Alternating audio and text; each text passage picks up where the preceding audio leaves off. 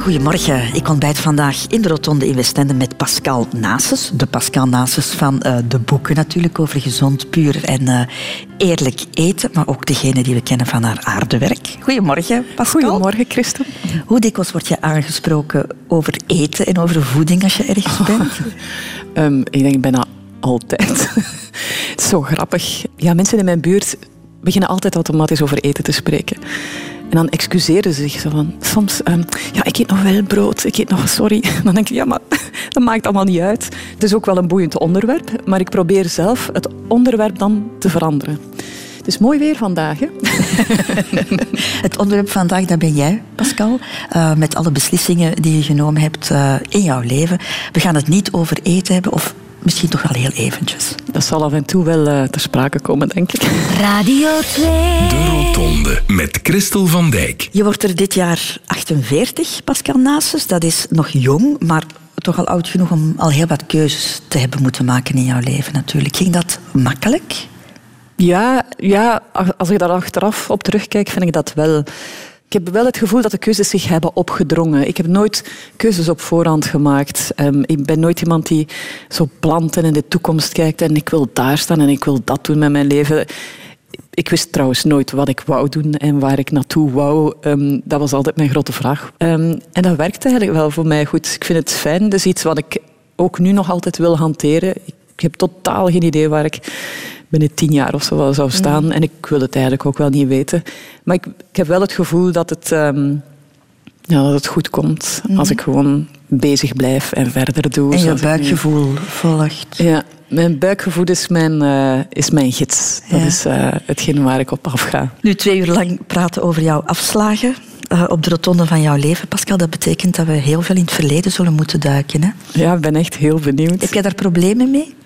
Nee, niet echt. En eigenlijk vind ik dat uh, het enige waar ik problemen mee heb, is dat ik me afvraag of mensen dat wel interessant genoeg gaan vinden. Het is maar mijn leven. Het is maar... Wat is het eigenlijk? Stel allemaal niet zoveel voor. Um, dus dat is eigenlijk het enige wat ik mij afvraag. Ik ben wel nieuwsgierig. Um, ik weet dat er vriendinnen van mij zijn geïnterviewd. Ik weet dat omdat ze hun mond niet konden houden. Ze hebben niet verteld wat en hoe. Um, en daar ben ik wel nieuwsgierig naar. Dus ik denk dat het ook wel, eh, ik hoop dat het ook leuk wordt. Dat het ook, uh, dus in die zin zie ik het wel zitten. Maar op zich terugblikken. Het is niet iets wat ik vaak doe. Het verleden is het verleden. Ik, moet, ik leef in het nu. Um, maar er is ook niets waar ik niet op wil terugkijken. Dus ja, geen probleem. Laat maar komen. Ik ben nieuwsgierig. We gaan het eerst over jouw Wikipedia-pagina hebben, uh, Pascal. Daar zijn ja. die vriendinnen onder andere voor gebeld. Want je hebt uiteraard een eigen Wikipedia-pagina op het internet, omdat jij een bekend persoon bent. Hè. Ja, en daar staat... ik heb ze nog niet gelezen, moet ik zeggen. Is het echt? Nee. Al heel lang geleden wel, maar, maar ik zou nu niet meer weten of die up-to-date is of niet. Uh, We zullen er een stukje uit laten horen. Pascal Nasens, Eeklo 4 juni 1969, is een voormalig Vlaams fotomodel. Toen VTM startte, kort voor haar 20ste verjaardag, werd ze bekend als omroepster. Dit beroep bleef ze tot 2006 vervullen. Hierna begon ze carrière als presentatrice en televisiekokkin. Een stukje eruit, maar heel wat zaken worden hierin genegeerd, eh, Pascal. Jouw kinder- en jeugdjaren bijvoorbeeld, toch heel belangrijk in een mensenleven. En daarom heeft Han Koeken jouw Wikipedia-pagina een beetje meer volledig gemaakt. Pascal Nases is geboren te Eeklo op 4 juni 1969. Er was toen al één jaar een telg in het geslacht Nasens. En van het moment dat Pascal erbij kwam, werden ze twee handen op één buik. Zo getuigt broer Desiree. We waren heel close. Ja, we waren heel, heel dicht bij elkaar altijd. Alsof we, uh, ja, we schrik hadden om elkaar te verliezen. We, we droegen ook heel veel zorg voor elkaar. Heel veel wederzijdse aandacht. Moeder Monique was huisvrouw en vader Dennis had een drankenhandel. Ze hadden het niet breed, maar vader en moeder deden hun uiterste best om ervoor te zorgen dat het gezin naast niets tekort kwam, weet Desiree. Mijn vader kwam dan thuis van het harde werk, maar had dan toch een, een, een Moulinex friteuse gekocht om uh, ervoor te zorgen dat wij het goed hadden thuis. En ondanks de frietjes en kroketjes uit de Moulinex friteuse bleef Pascal supermager, weet haar jeugdvriendin Katrien Huisman.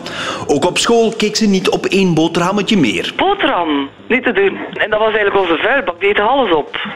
Echt, die eet enorm veel boterham. De vele boterhammen gaven Pascal ook dubbel zoveel energie, weet jeugdvriendin Katrijn Steenbeke. Pascal was de eerste om uh, in de beweging in de boom te kruipen. En hadden de eerste om dan toch maar een tent op te zetten en daar te kamperen. Dus energie is zeker iets waar ik, waar ik aan denk, als ik aan Pascal denk. Brigitte Pacifici, nog een andere jeugdvriendin, kan dit alleen maar beamen. Als de plassen bevroren waren en iedereen binnen bleef, waren wij buiten. Niet alleen fysiek, maar ook verbaal spetterde de energie van Pascal. Ze was niet op haar mondje gevallen, bevestigen al haar vriendinnen in koor. En ze wist ook heel goed wat ze wilde, weet Katrien Huisman. Maar gewoon iets, iets, iets, iets stoms van, van dat de juffrouw allee, iets uh, over de leerstof zelf, maar dat ze zij er haar gedachten over had. En dat de, de leerkracht dan uh, iets anders zei, dat ze zei, nee, nee, nee, als zo is. en wij moesten er dan altijd, ja, wij moesten er dan altijd mee lachen. Hè. De slanke, energieke bedweter groeide uit tot een mooie puber. En dat trok natuurlijk de aandacht van de jongens. Maar daar had Pascal weinig oog voor, verzekert Katrijn. Pascal was goed omringd. Maar in onze jeugdjaren waren wij precies drukker met uh, kattenkwaad onder vriendinnen. Zoals in de nacht het huis ontglippen om uit te gaan zonder dat de ouders het wisten, herinnert Brigitte zich. Vijftal vriendinnen en we vertelden aan onze ouders dat we bij elkaar sliepen, maar eigenlijk uh, sliepen we niet. En gingen we de nacht uit. En ook in het nachtleven viel Pascals ravissante verschijning op. En dat was Brigitte niet ontgaan. Zij was de eerste die het idee opperde aan Pascal om zich in te schrijven in een modellenbureau. Ik zei van, nou ja, probeer dat eens. Of toch iets voor jou. Je bent groot en je hebt een mooi gezicht. En ze had ook nog een ander talent die haar uiteindelijk in die richting zou leiden, weet broer Desiree. Wat ze altijd wel had, is dat ze composeren. Mijn vader had een, een filmcamera, 8 mm. Dat zijn, als we daar nu naar terugkijken, zie je wel dat Pascal uh, talent heeft om, om te poseren voor, voor de lens. En zo geschiedde. Pascal deed wat haar vriendinnen haar opdroegen. En het was bingo. Het slanke vuilbakje was klaar om met haar energie de camera op te eten. En de rest is history. Rode draad is het jongensachtige uh, meisje eigenlijk, ja. hè? Ja, dat is wel waar. Maar ik denk dat dat komt omdat ik ben opgegroeid met mijn broer, samen met mijn broer. En ik had vroeger ook kort haar. En ik voelde mij gewoon een halve jongen. Ik zat inderdaad in de bomen. Poppen, dat interesseerde mij niet. Als ik een pop kreeg, dan trok ik die open. Ik was altijd heel nieuwsgierig hoe dat marcheerde, wat dat daarin zat. Maar ik speelde ja, niet met poppen, ehm, maar wel met, ehm, met auto's. En ehm, echte auto's, uh, go-karts. De buren, dat waren ook uh, jongens. En die hadden dan alles daar afgehaald van die wagens. En daar reden we mee in de velden. Um, zij hebben mij ook leren uh, met de motor rijden. en ik vond het fantastisch allemaal. De eerste afslag in het leven die je hebt moeten nemen, is geboren worden. Daar heb je natuurlijk niks over te zeggen. Maar ik denk dat jij geen klagen hebt gehad over de wieg waarin nee. jij geboren bent. Hè? Ja, nee, absoluut niet. Um, het nest bedoel je dan? Waar ja, ik, een harmonieus geboren? gezin? Ja, een harmonieus gezin um, met ja, mensen en familie die echt allemaal hun best deden om het zo goed mogelijk te doen. Fijne vader, fijne moeder, fijne broer. Een beetje saai, maar mooi saai heel veel leuke momenten. Ik hoorde mijn broer daar iets zeggen van een moelinex van mijn vader. Maar ik herinner mij vooral mijn vader. Dat is een drankhandel. En s'avonds ging hij bijvoorbeeld um, naar de restaurants en ook de afrekening maken. Terwijl hij aan de afrekening aan het wachten was. Vroeg hij dan telkens van ja, de specialiteit van het huis, terwijl dat geen traiteurs waren. Um, om dat voor vier personen te, klaar te maken. En dan bracht hij dat mee. En s'avonds aten wij um, balling in het groen, um, kreeft ook. en dan kwam hij thuis s'avonds, maar dat was echt tien uur s'avonds of zo. En dan was het altijd, heeft papa iets meegebracht? Ja, hij heeft iets meegebracht. en dat was feest. En dan zaten we aan de keukentafel, allemaal lekker te genieten van lekker eten. En mijn vader die zei altijd, je mag op alles besparen, behalve op eten. Dat is misschien iets wat ik nog altijd heb uh, onthouden. Um, dus ja, een, een heel fijn gezin. En een, ja. een, familie waar ook heel veel lichamelijk contact was, dacht ik. Je hebt je um, ouders ja. zien knuffelen heel veel. Ja, mijn ouders knuffelden heel veel. En mijn vader en ik knuffelden heel veel. Um, dat is, dat is iets wat... Um, en ook als mijn ouders aan het knuffelen waren, dan kwam ik er altijd tussen. Want dan was ik jaloers. Ik wil er ook bij. En dan ging ik daar tussen hangen. Um, ja, vind ik heel fijn. En zeker mijn vader en ik, wij knuffelden onwaarschijnlijk Papa's veel. kindje? Ja. Ja, was je papa's kindje? Ja, toch wel, denk ik. Ja. En ook met je broer hè, had je die, die warme band.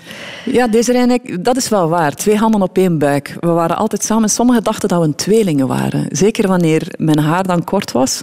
En we scheelden ook gewoon heel weinig in uh, leeftijd.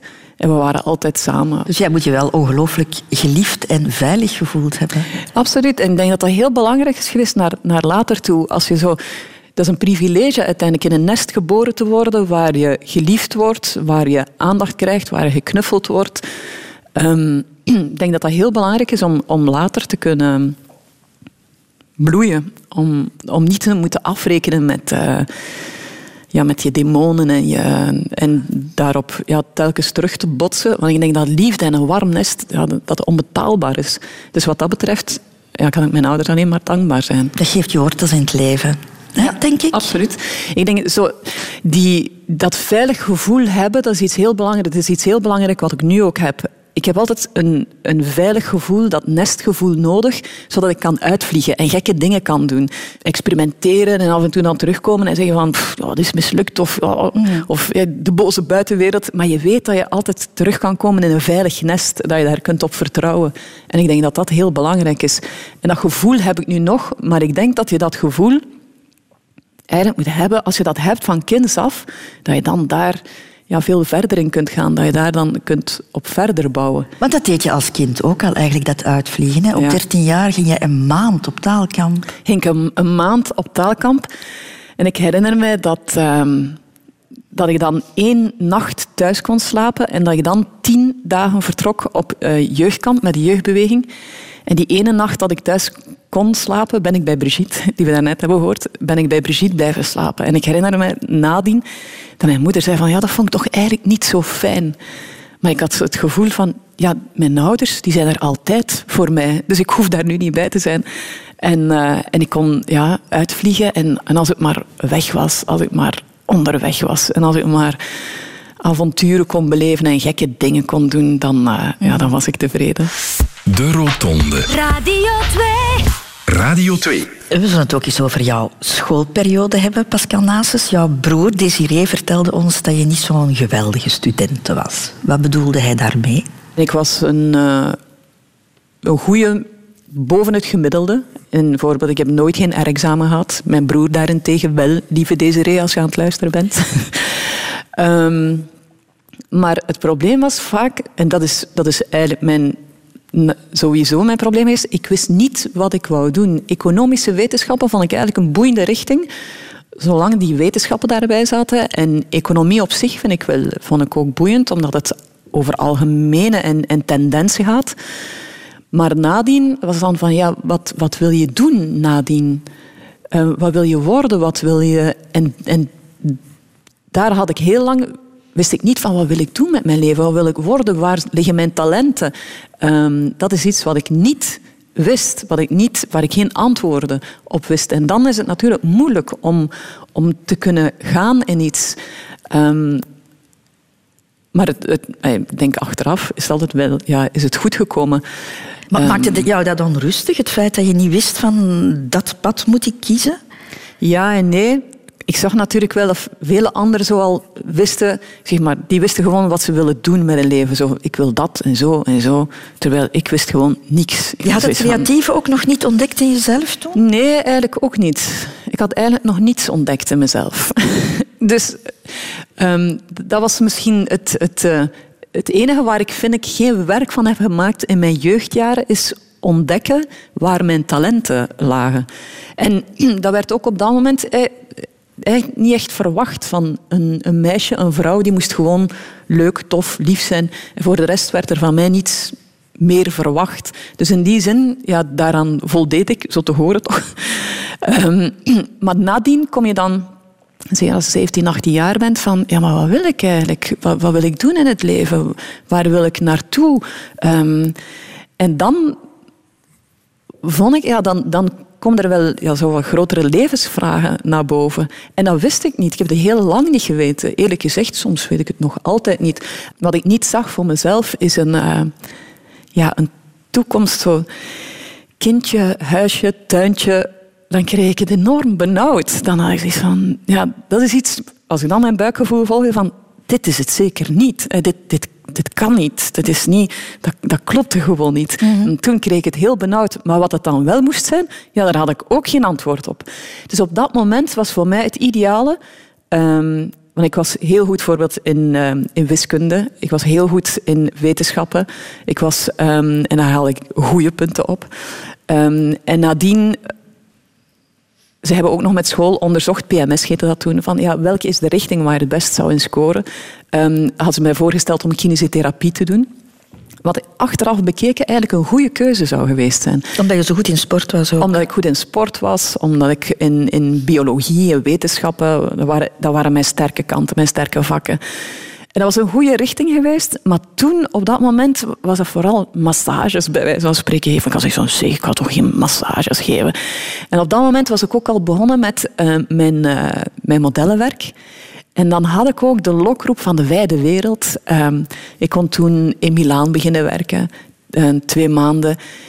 En ik vond dat eigenlijk fantastisch, want wat ik altijd al heb willen doen en zijn, is vrij zijn. Dat is, iets, dat is denk ik ook een grote constante in mijn leven.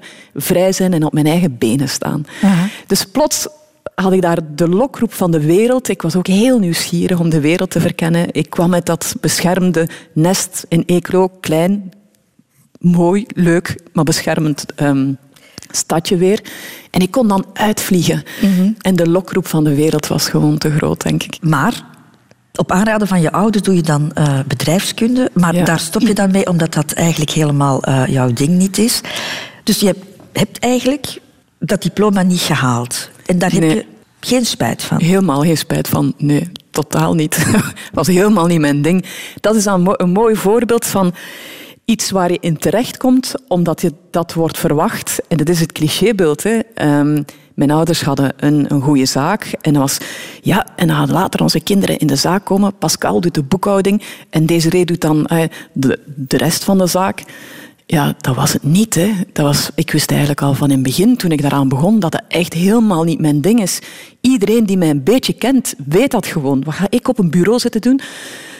Boekhouden zitten doen. Dat is echt wel, dat klopt gewoon niet. Dus dat was echt een, als een tang op een varken. En dat was gewoon, ja, ik deed dat om tijd te rekken, omdat er ehm, een deel van mijn vriendinnen dat ook deden, waaronder Katrien, waaronder Sophie.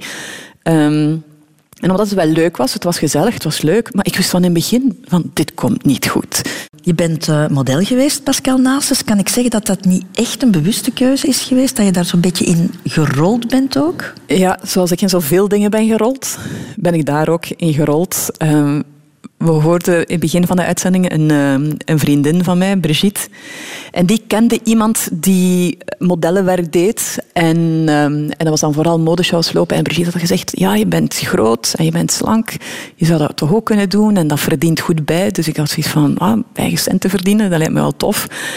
Ehm, en dan de ene week had ze het telefoonnummer vergeten, de andere week was ze nog iets vergeten. Dus ik was dan zelf beginnen zoeken in de toen nog de Gouden Gids.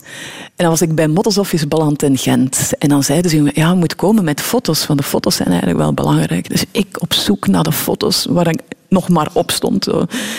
Ik naar daar, naar het modellenbureau.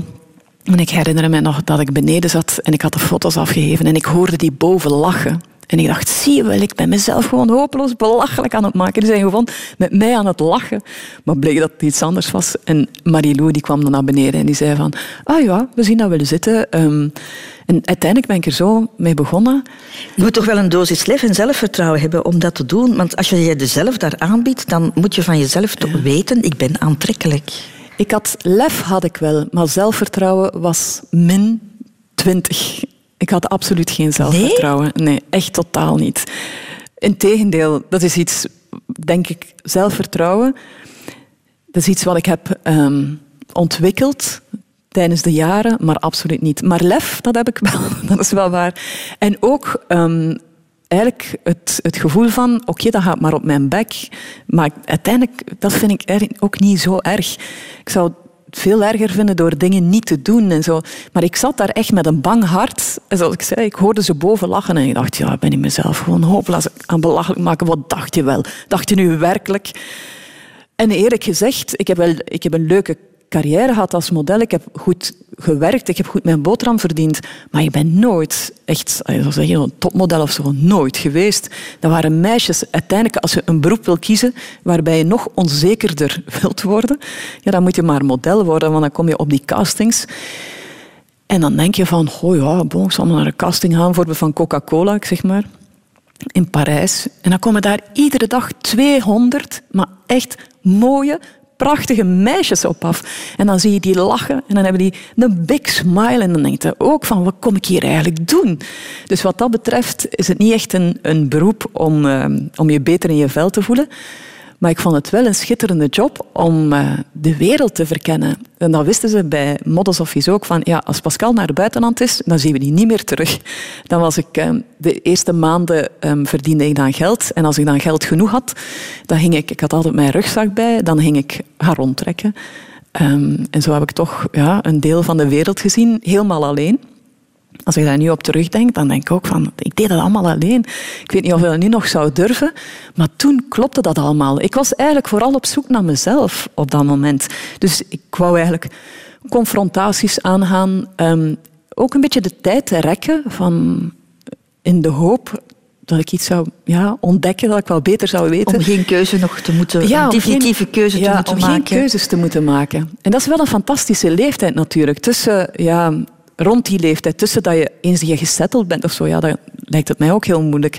Maar ik, had, ik was vrij, ik had geen... Uh, alhoewel, in het begin wel een toenmalig vriendje, maar dan ging het naar Parijs. En dat was al snel gedaan natuurlijk, want ik, ik was altijd weg. Ik was altijd... Uh, onderweg en weg. Je wordt dan wel heel erg met jezelf geconfronteerd natuurlijk, als je ja. zo lang alleen onderweg bent. En dat was eigenlijk de ideale leerschool. Ik, zou, ik vind dat nu nog, als ik daar nu aan terugdenk, aan die periode, is dat voor mij de belangrijkste periode geweest voor mezelf. Ik kan daar nu nog op terugkijken en van genieten.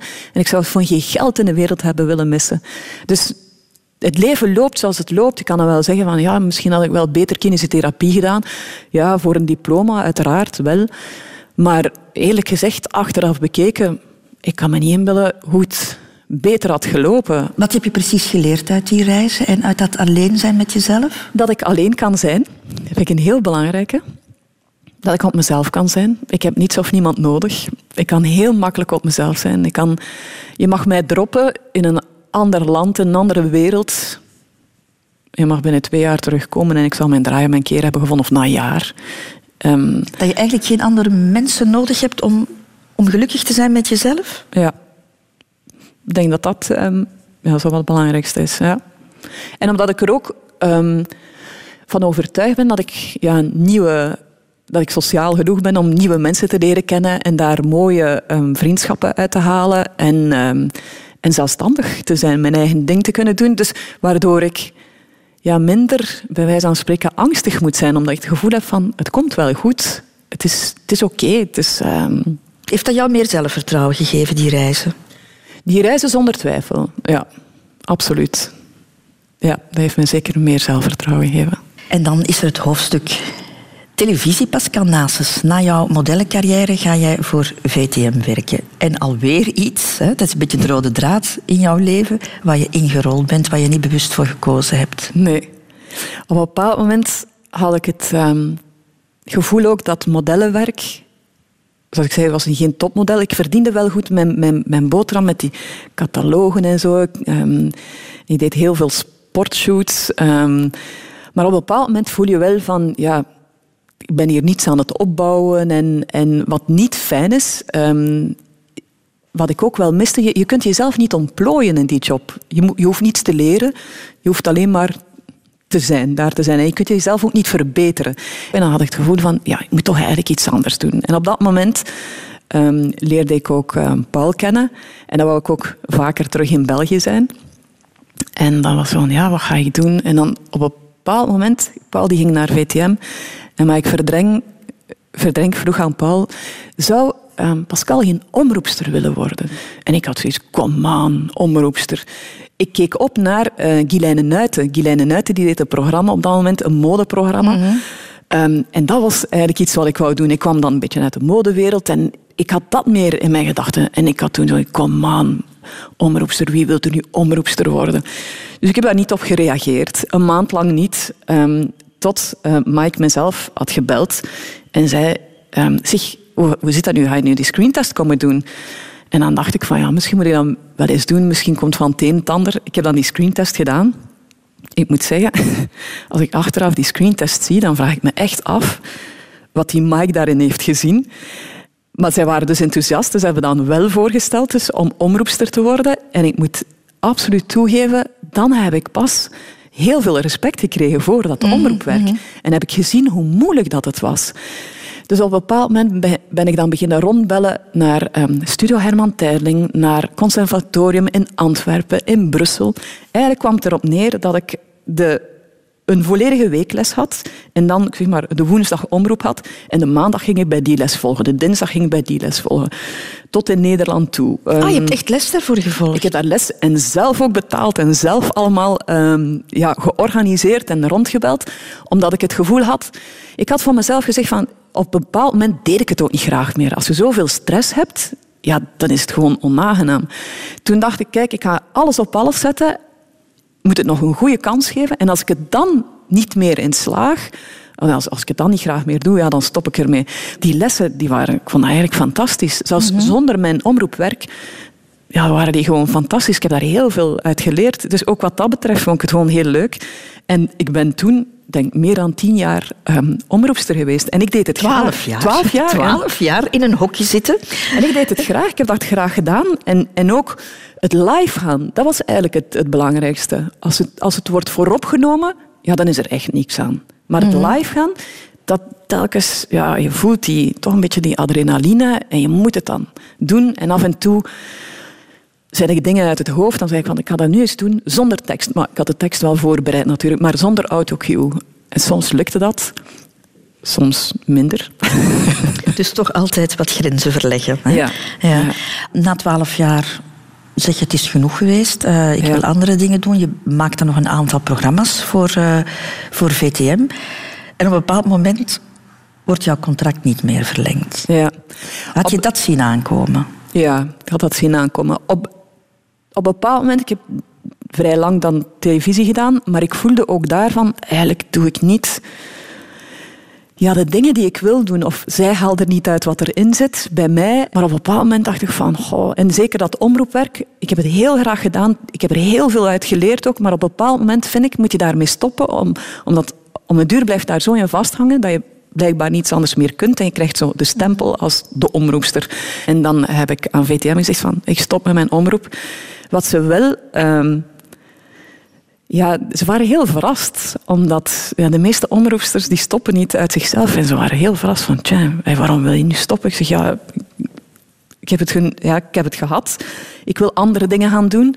Um, zonder ik heb altijd wel dingen ook gestopt zonder een soort backup te hebben, want ik had uiteindelijk geen backup. En dan op een bepaald moment ben ik kookboeken beginnen schrijven. En dat was heel grappig bij VTM wisten ze eigenlijk niet meer goed van wat moeten we nu met die aanvangen? Wat is ze nu eigenlijk? Um, is ze nu plots ook chef geworden? Maar terwijl ik zei, maar ik ben geen chef, ik kook gewoon thuis en ik schrijf kookboeken. Mhm. Maar dat is iets waar ik al heel lang mee bezig was. Dat is iets waar ik al... Um, ja, ik wou in de tijd een restaurant beginnen, dus ik had een kook, um, een opleiding restauranthouder gevolgd, drie jaar. Um, maar allemaal achter de schermen, want dat is het voordeel. Als je omroepster bent, heb je tijd. Je hebt veel tijd. En Paul was toen ook heel hard aan het werken, dus ik heb toen cursussen gevolgd, um, restauranthouder, shiatsu gezondheidstherapeuten. en dat was allemaal boeiend, dat was allemaal leuk. En dat waren de dingen die ik graag doe, maar ik kon daar niets mee doen binnen televisie. En dan op een bepaald moment um, hebben ze mij wel een programma laten doen. En dat was dan voor de kleinere zender, um, Vitaya. En dan was er ook een directeurwissel bij VTM. En dan uiteindelijk stopte mijn contract. Um, dan zeiden ze ook van, ja, we zien het... Er zijn geen projecten meer, hier stopt het. Hoe heb jij dat ervaren? Was dat een soort... Op dat moment vond ik dat niet leuk. op dat moment vond ik dat eigenlijk heel erg. En dacht ik van, oei, mijn, mijn boeken gaan nu ook helemaal niet meer goed lopen. En dat was nog maar, ik stond nog maar aan het begin van, van die boeken. Maar het tegendeel was waar. Die boeken eh, begonnen beter en beter te lopen. En het grappige is, en dat, dan zie je, wat dat betreft zit het leven echt wel vol clichés. Het moment dat ik televisie heel hard wou, dan was er van tv uit geen interesse en zei ze nee, voor ons stopt het hier. En het moment dat ik toen zo het gevoel had van ja, ik heb het echt eh, ook niet meer nodig, televisie. Ik wil het niet meer doen. Ik heb het, ik heb het een beetje gehad met televisie. Dan kwam er wel een vraag. En ik heb echt hele leuke voorstellen gekregen en ook carte blanche. Ehm, maar mijn buikgevoel zei mij van nee, ik hoef het niet meer te doen. En, ehm, Soms moet je dingen kunnen loslaten om andere dingen te ontdekken. wel, dat is, ik, ik heb het gevoel dat ik, ja, dat ik dat moet loslaten en dat ik dan kan groeien in de andere dingen. Ja. De Rotonde. Wie Pascal Naasten zegt, die denkt aan kookboeken, Pascal. En dat is echt een bewuste keuze geweest eh, in jouw leven. Ja, wat ik wel grappig vind is, ehm, zoals het zegt, als, als je nu mijn naam laat vallen, denken mensen meteen aan die boeken eigenlijk nog meer dan aan mijn televisiewerk dat ik ooit gedaan heb. En eigenlijk ben je daar onwaarschijnlijk fier op dat, het, dat ik uiteindelijk hetgeen heb gevonden wat ik graag doe en dat dat verhaal groter is geworden dan, ja, dan het vorige verhaal. Maar iedereen denkt, ja, televisie, dat is het van het. Het is ook mooi, het is ook... Maar uiteindelijk, hetgeen wat ik nu doe, vind ik bijzonderder. Ik haal daar meer voldoening uit. Ik kan daar meer van mezelf in kwijt. kan daar meer mensen mee bereiken. kan meer echt, ehm, ja, daar echt mensen fundamenteel gelukkig mee maken. En daar word je gewoon gelukkig van zelf. Jouw kookboeken zijn eigenlijk ook ontstaan uit een gebrek aan zelfvertrouwen. Ja. Gekregen uit jouw modellenperiode, omdat Ja. je zo gefocust moest zijn op jouw lichaam Ja. en op jouw gewicht. En Ja. ja, je constant getaxeerd werd hè, op... eh, Ja. En toen ben ik op een foute manier echt beginnen diëten. ehm, op een strenge manier. ehm, echt een foute manier. En is het helemaal fout beginnen lopen. eh, waardoor ik toch echt een aantal jaren een strijd heb gevoerd met mijn eetgewoonten. En sindsdien ben ik echt beginnen zoeken van... Ja, wat doet voeding met je lichaam? Wat doet voeding met je hersenen? En ik dacht ook dat daar allemaal fout liep. En eigenlijk daarop ben ik antwoorden beginnen zoeken en ben ik mijn eetgewoonte beginnen aanpassen. En ik moet echt altijd bezig zijn. Dus ik dacht, ik ga een kookboek schrijven. Dan heb ik ook eens een boek geschreven. Lijkt mij fantastisch. En ik wou ook mensen helpen. Ik zag heel veel mensen in mijn omgeving met dezelfde problemen als ik. En ik had altijd zin om daar, en zeker de jonge meisjes. Ik zag eigenlijk hetzelfde verhaal jonge meisjes. Van, je kunt daarvan afgeraken.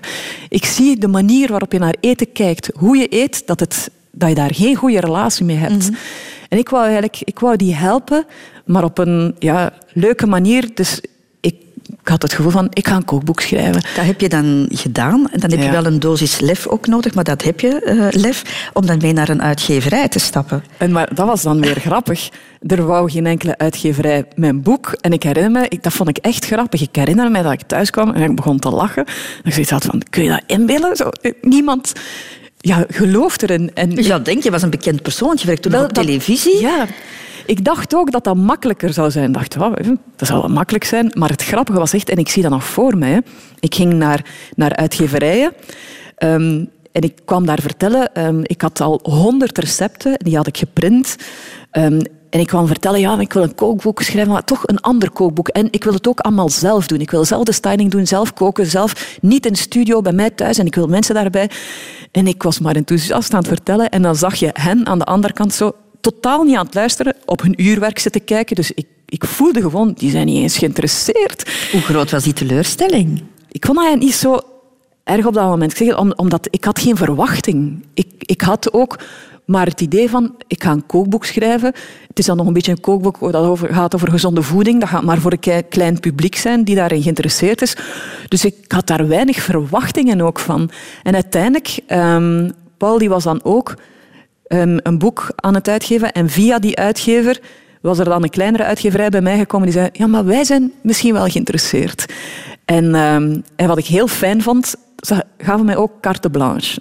Doe maar. Want dat was voor mij het belangrijkste. Ik, ik wou zelf het maken, het creëren, de styling doen. Ja, die vrijheid, dat is ook een rode vrijheid. draad in jouw leven. Ja. Je mag niet gekooid of geketend Nee, worden. ze hè? moeten mij vrijlaten. Ze moeten mijn ding laten doen. En, en dat vind ik dan fantastisch. En uiteindelijk, ehm, ja, het boek is er dan gekomen. En tot echt ieders verbazing, niet alleen die van mij, maar ook van de uitgeverij, heeft dat boek echt ongelooflijk goed gescoord van in het begin. En, dat was, en ik herinner mij dan nog dat op, op een bepaald moment vroegen ze... ehm, ja, wil je een tweede boek schrijven? En ik herinner me nog, ik, zat, ik stond op straat toen ze, mij dat, toen ze mij dat vroegen, toen ze mij belden. En ik had er echt nog nooit over nagedacht. En op dat moment dacht ik, ja, maar zou je dat nog wel kunnen? Ik weet niet of je dat nog wel kan, een tweede boek schrijven. Dus ook wat dat betreft, ik had geen plan. Dat was zo, van het ene komt het ander. En dan dacht ik, ja, ik vind het wel leuk. Ik doe dat mhm. wel graag. En dan ben ik ja, daar toch in verder gegaan. En wat ik nu intussen heel leuk vind... Ik uh, reis de wereld rond. Ik uh, interview de grootste voedingsspecialisten ter wereld. En ik vind het onwaarschijnlijk boeiend. Ik vind het leuk. Maar vooral wat, je met, wat het kookboek heeft teweeggebracht. Ik was onwaarschijnlijk verrast van ja, de impact dat het had op mhm. heel veel mensen, op een groot publiek. Ondertussen heb je al acht kookboeken uit die in verschillende talen vertaald zijn. Je hebt prijzen gewonnen en, en jouw status is daarmee ook veranderd, denk ik. Pascal, van een vrouw die graag gezond en lekker kookt, ben jij ondertussen een autoriteit geworden, een soort van spreekbuis. Ja, en dat is, dat is ook niet... Daar ben ik wel dan weer in gerold. Dat is geen keuze geweest, maar dat is een, een noodgedwongen um, feit bijna geweest. Um, omdat er zijn heel veel misverstanden rond die voeding. En soms maakt mij dat um, wel boos, omdat ik weet hoe erg voeding kan zijn als het fout loopt. Ik heb jarenlang een strijd geleverd en ik had alle wilskracht in de wereld verzameld en ik slaagde daar maar niet in om, om weer een goede relatie op te bouwen met voeding. En ik weet hoe erg dat is en hoe wat voor een verschrikkelijke strijd dat is. En ik weet hoe fijn het is om daar nu van af te zijn. Welke vrijheid je ervaart. Welke kracht dat daarvan uitgaat. Louter en alleen door je voeding aan te passen. En als er dan zo ja, clichés worden verteld, dan, dan kan me dat ja, ongelooflijk boos maken, omdat dat van binnenuit komt. Maar het geeft jou wel een grote verantwoordelijkheid, hè? Ja, um, waar ik geen schrik voor heb, omdat ik, ik, ik heb het meegemaakt. Ik weet waarover ik spreek en ik ga de confrontatie aan, zelfs met um, sommige professoren ook. Ja, want ehm, kritiek komt er uiteraard. Hè? Ja, en ik heb op zich geen probleem met kritiek als die. Als, als je daar iets kunt mee doen. Bijvoorbeeld, ik heb een professor in Nederland. Um, en we uiten kritiek op elkaars werk, maar eigenlijk zijn we heel goede vrienden. We kunnen heel goed om met elkaar. En de manier waarop we communiceren gaat, gaat heel ver, eh, heel ver in, dat we echt heel streng zijn voor elkaar.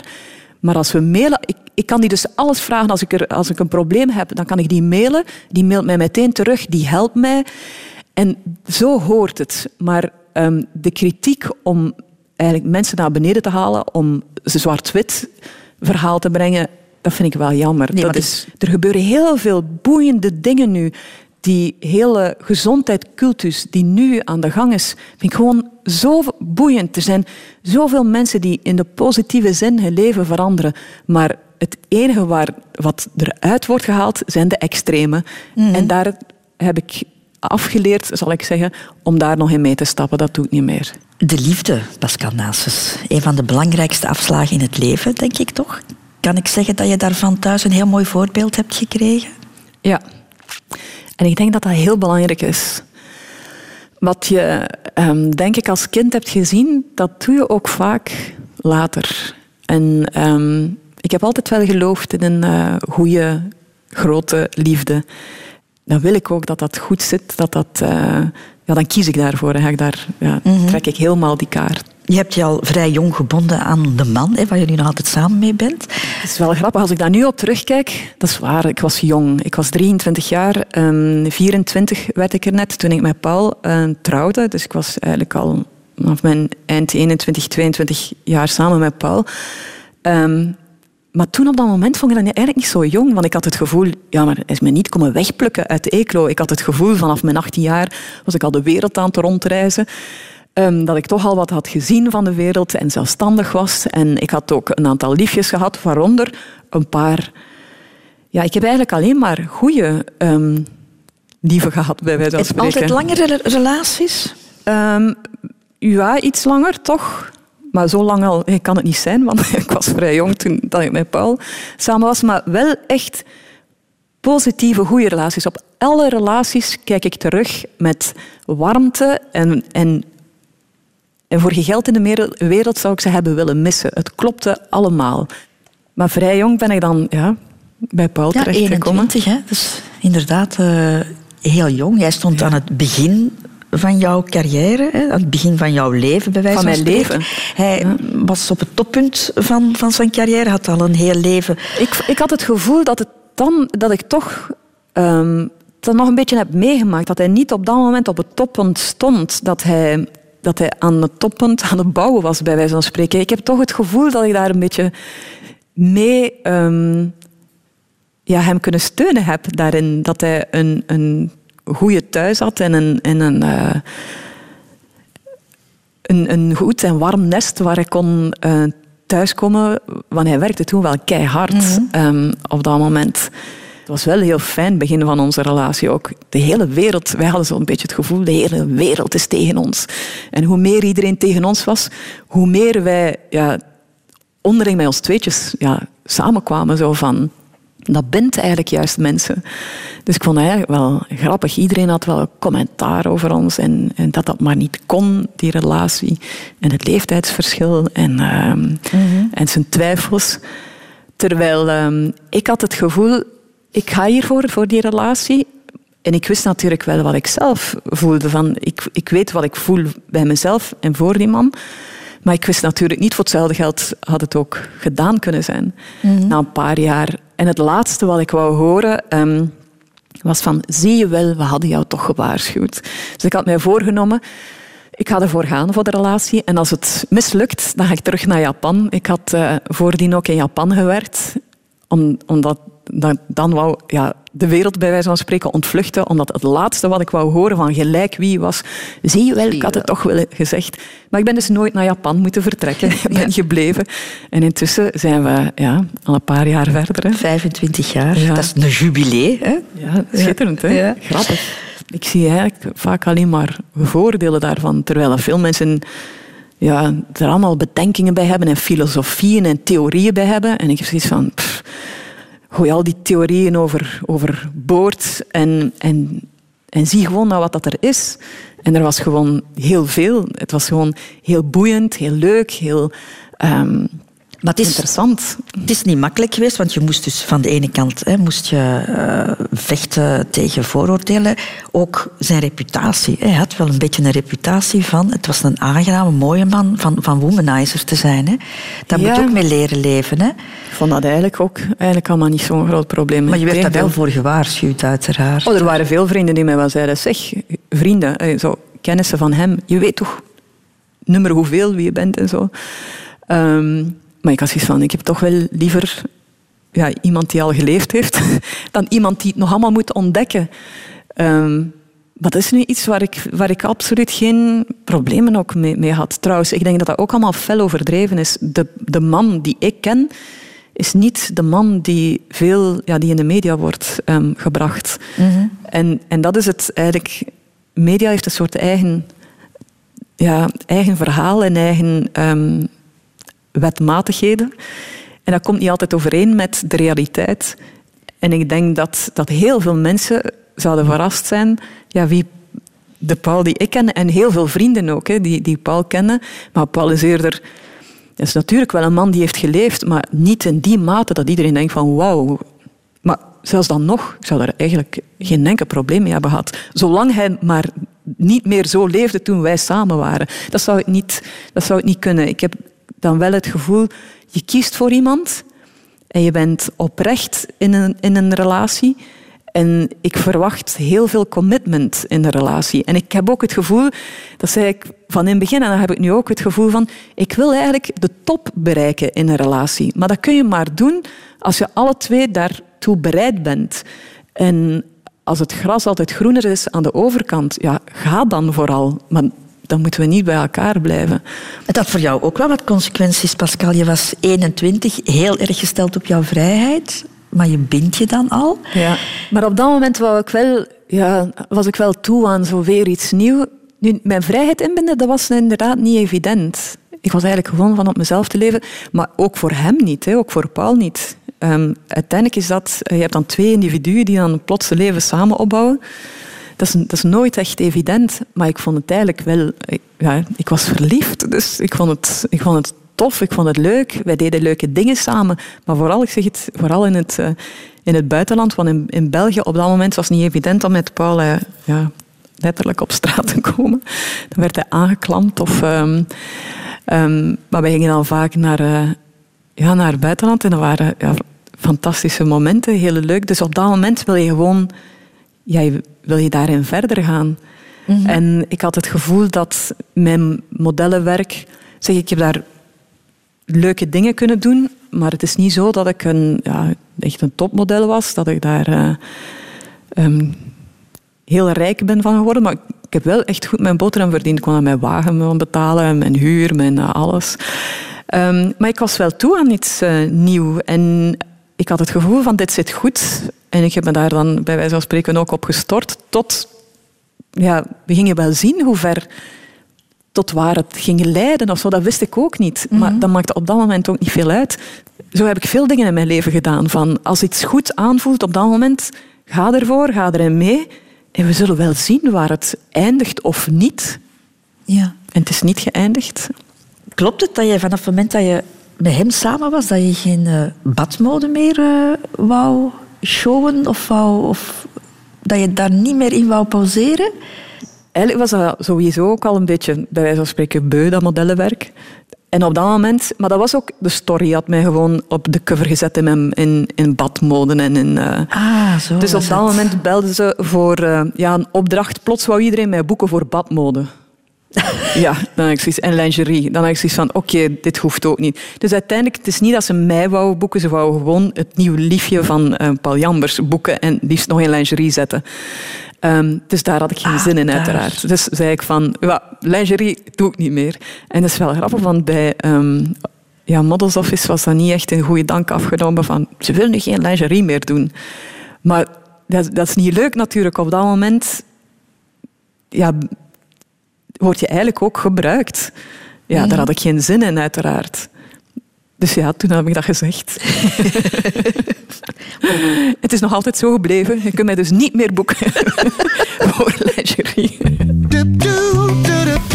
Radio Radio 2. over de afslagen van het leven. De Rotonde. Kinderen Pascal Nasus, dat is ook een afslag uh, die je moet nemen. Ofwel kies je ervoor, ofwel kies je er niet voor. Ja. En jij hebt uh, voor dat laatste gekozen. Dat is ook een beetje dat ik erin gerold ergens ben. Of, toen ik jong was, zei ik altijd dat ik tien kinderen wou hebben. En van uh, elk zijn kleurtje. Dus eentje van mezelf en al de rest zou ik adopteren. Om eigenlijk gewoon een antwoord te geven op een vraag waar je geen antwoord op weet. Um, en toen het moment... Ik herinner me een moment dat er dan kwam... Ja, zeker wanneer hij dan samen was met Paul, was de tweede vraag bij een interview altijd... Ja, en kinderen? En ik was aan duur zo beu dat ik ook eens had gezegd, ja, ik wil tien kinderen. En dat stond ook effectief in het interview nadien. Paul had zoiets, oei, oei. Maar ik ben daar eigenlijk nooit echt, ja, mee, echt mee bezig geweest. Kinderen zijn nooit wat dat betreft een prioriteit geweest en heb ik ook nooit letterlijk voelen opborrelen in mijn buik. Dus ook wat dat betreft heb ik gewoon ja, mijn buikgevoel gevolgd. En eerlijk gezegd, had ik kinderen gewild, dan was ik wellicht nooit op een man als Paul verliefd geworden. Dan had ik gewoon ja, een jonge kerel genomen waar ik inderdaad drie, vier of ja, kinderen mee kon krijgen. Maar, maar heb je niet... erover gepraat ooit? Over wel of niet samen? Ja, eigenlijk wel. En relatief in het begin zelfs. Um, en we zaten daar eigenlijk op dezelfde golflengte van... Ja, ik heb niet het gevoel dat, dat ik dat absoluut moest hebben om, om gelukkig te worden. Dus wat dat betreft klopte dat eigenlijk allemaal. En dan mijn keuze voor Paul. En dat, dat zat eigenlijk allemaal juist. Mm -hmm. um, dus uiteindelijk, de, de vraag heeft zich nooit gesteld. Maar ik heb mijn, in mijn leven zijn heel veel kinderen... Ik ben ook meter van uh, een, een kindje, van Brigitte, haar kindje. Dus ik heb heel veel kinderen. En heel veel ja, moeders die kinderen opvoeden. En ik vind van sommigen die doen dat zo fantastisch. En dan zeg ik dat ook. Zeg, ik vind jou echt, hoe jij jouw kinderen opvoedt, ik vind dat fantastisch hoe je dat doet. En al hoe, je, hoe jouw de kinderen in jouw leven zijn gekomen, dat is allemaal zo natuurlijk. Dat klopt allemaal. Bij sommigen zie ik dat kinderen een gevecht zijn en moeilijk zijn.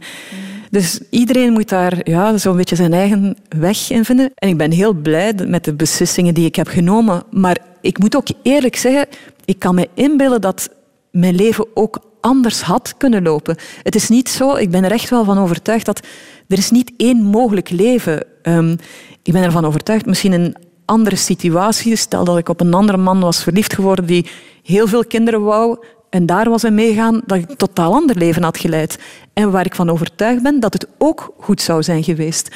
Alleen heb ik nu keuzes gemaakt in mijn leven en ik bouw daarop verder en het zit ook goed. Wat ik soms jammer vind is dat we te veel naar, naar buiten kijken. Te veel, zo, het gras is groener aan de overkant. Die mentaliteit vind ik verschrikkelijk. Dan denk ik, ja, maar kijk eens eerst wat er is hier, nu, wat je hebt.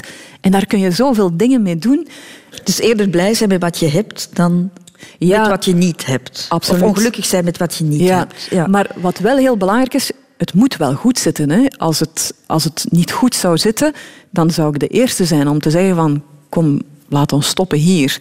Maar, um, maar je moet wel beseffen wat je hebt. Ik, ik denk dat ik wel een, een dankbaar figuur ben in het leven, dat ik dankbaar in het leven sta.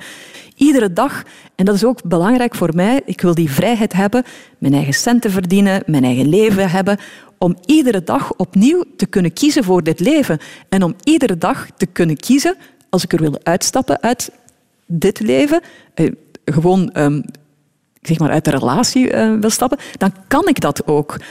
En ik vind dat allemaal, ik vind allemaal schitterend dat dat allemaal kan. Dus in die zin, ik ben iedere dag kiezen wij voor, bij wijze van spreken, voor elkaar. Um, mm. ik, ik vind dat een heel fijn gegeven. Denk je dat het feit dat jij en Paul, dat jullie geen kinderen hebben, ook de zorgen daaromtrent dan niet, dat dat gevolgen heeft gehad voor jullie relatie? Zonder twijfel. Ik denk dat kinderen hebben gevolgen heeft, kinderen niet hebben ook gevolgen heeft. En we hebben er ook niet ja, de mooie kant van. Kinderen hebben heeft ook ik denk wel fantastisch als je zo ja, jouw kinderen iets kunt meegeven en je ziet die bloeien. En je ziet dat daar echt iemand mooi uitkomt en dat je die iets kunt meegeven. Zeg, ik heb een vriendin die dat fantastisch doet. En dan kan ik dan zeggen van, echt knap hoe je dat doet. Maar um, ik heb er ook ja, niet de last en de zorgen van gehad. Ik, alle tijd hebben wij kunnen besteden aan elkaar. Op momenten dat Paul heel druk bezig was. In het begin van onze relatie was Paul echt ongelooflijk druk bezig. Um, tot s'avonds laat, weekend in, dag in, dag uit, tot heel laat. Um, op dat moment was het voor mij ook niet evident. Ik had ook kunnen van alles doen. Op dat moment heb ik besloten om allerlei cursussen te gaan volgen, om mij zinvol bezig te houden, om mij te ontplooien, om, om onder andere cursussen restauranthouder en zo te volgen. Um, consulenten en gezonde leefgewonden, de tak waar ik eigenlijk nu op zit. En op het moment dat mijn man er thuis was, ja, dan kon ik daar een feest van maken. En er was alleen maar aandacht voor elkaar. Er waren geen stoorzenders, dus jullie waren nee, op elkaar aangewezen. Er waren geen stoorzenders, maar ik denk, uh, ik denk dat kinderen ook wel een bijdrage kunnen leveren. Het is afhankelijk van, ja, van kind, gezin, moeder, vader. Het is zo, ik denk dat dat een complex gegeven is. Maar ik ben er... Ik denk niet dat je kunt zeggen, zonder kinderen is beter of met kinderen is beter. Ik denk afhankelijk van wie je bent, hoe je in het leven staat en hoe je met de problemen omgaat. Denk in alles zo. Het is niet zo. Mijn, mijn, leven, in mijn leven heb ik ook met heel veel problemen moeten dealen. En met mijn demonen. Voor sommigen kan dat peanuts lijken, zonder twijfel. Ik zeg het voor. Dat is iets wat mij altijd enorm steunt als ik zelf tegen mijn problemen aankijk. Dan vergelijk ik mezelf vaak met ja, vrouwen die het heel moeilijk hebben. Of zeg maar, Marike Vervoort nu de laatste tijd. Wat die vrouw heeft meegemaakt, dan denk ik, wat, wat ik meemaak, dat is peanuts gewoon, dat is niks. Stelt niks voor. En ik maak dan vaak die vergelijking. En dan denk ik, het is maar hoe je met, met de dingen omgaat, allemaal. En het maakt niet uit of dat nu kinderen zijn of, of geen kinderen zijn. Um, en ik probeer daar gewoon ja, het beste altijd van te maken.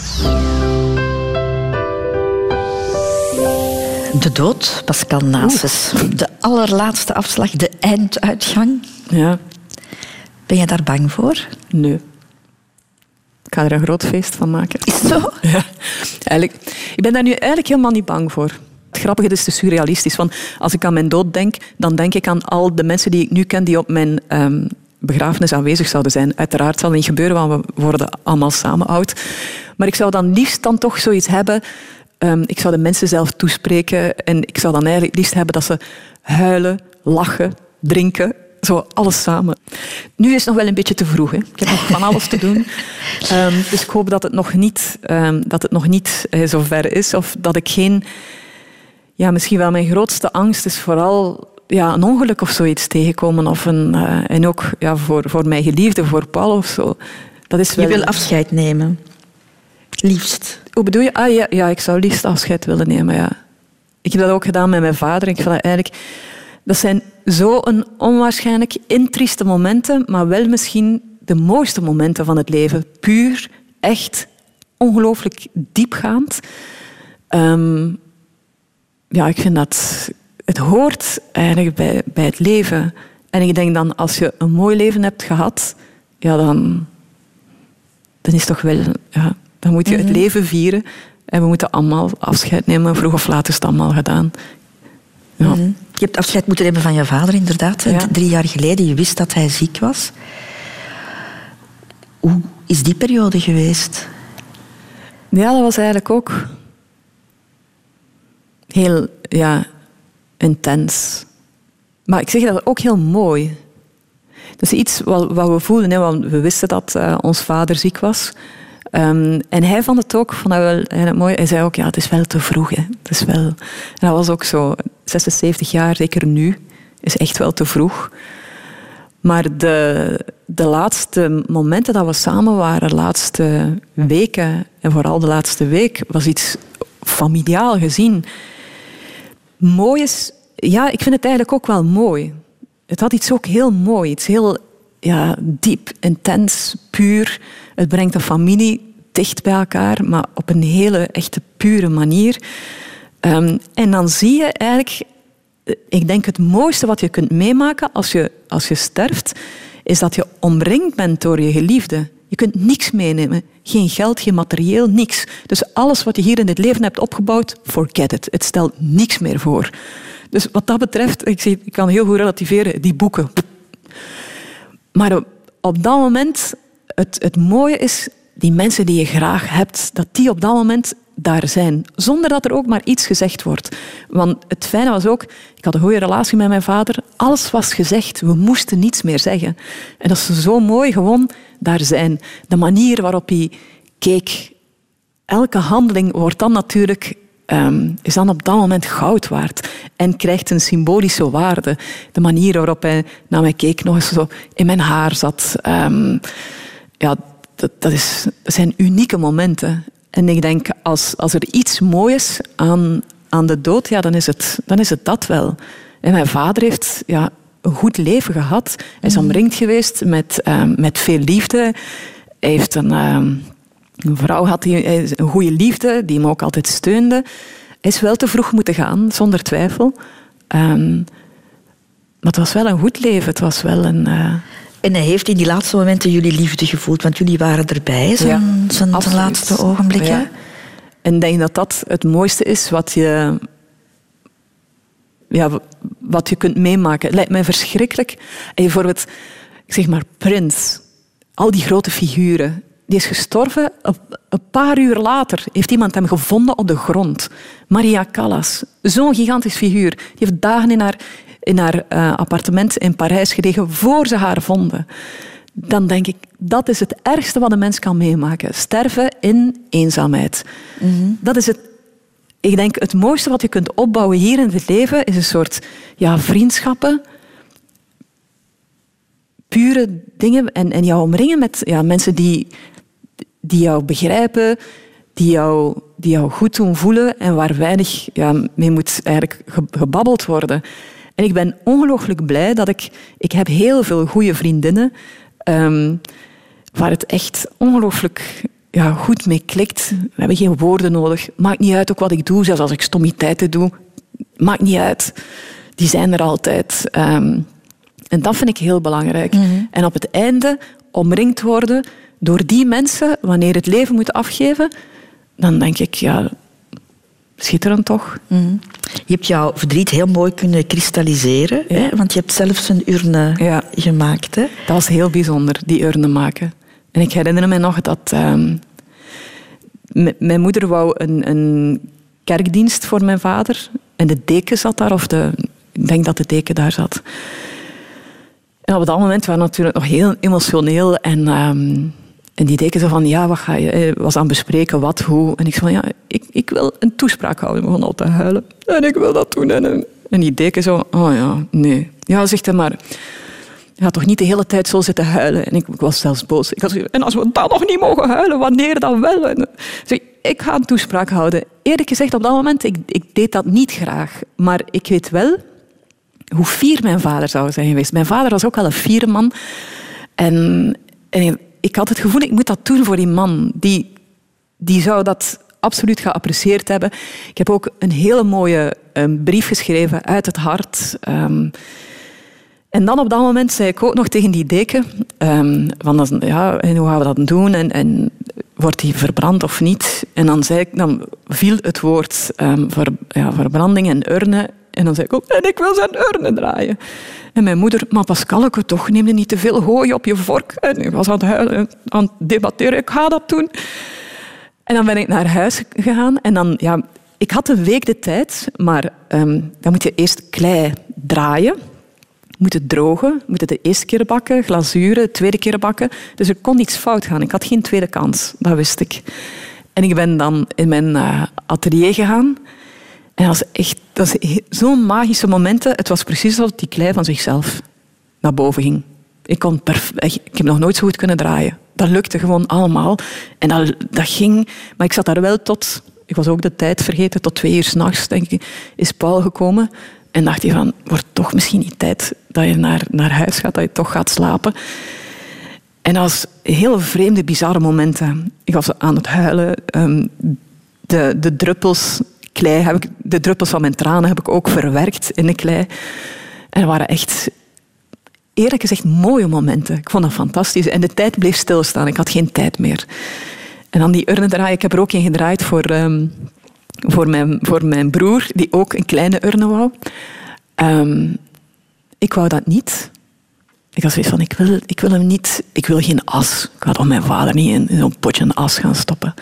Maar ik heb wel nadien, heb ik mij eigenlijk bedacht... Ik heb aan de...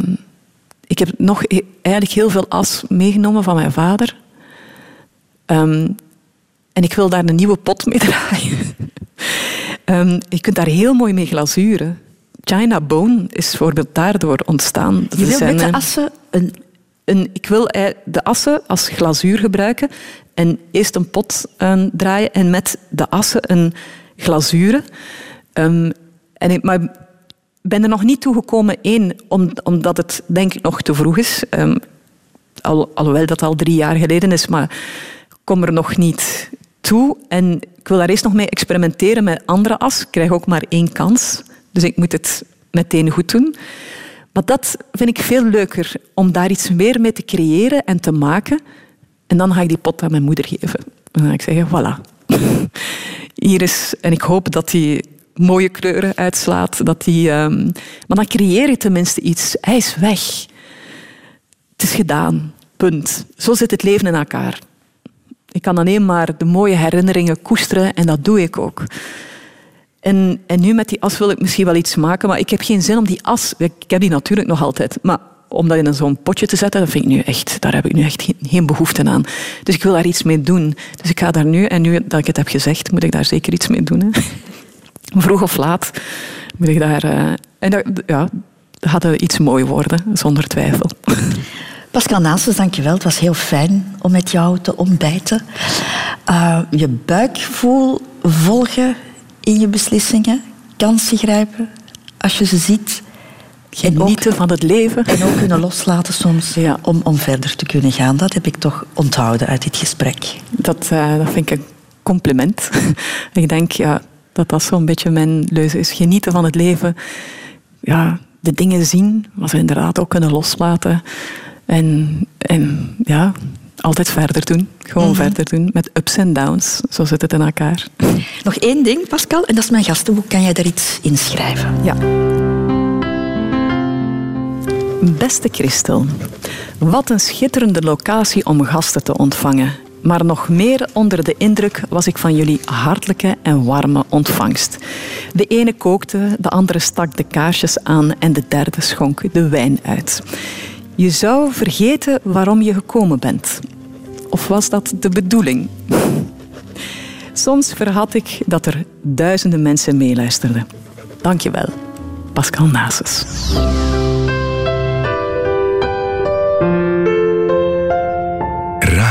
2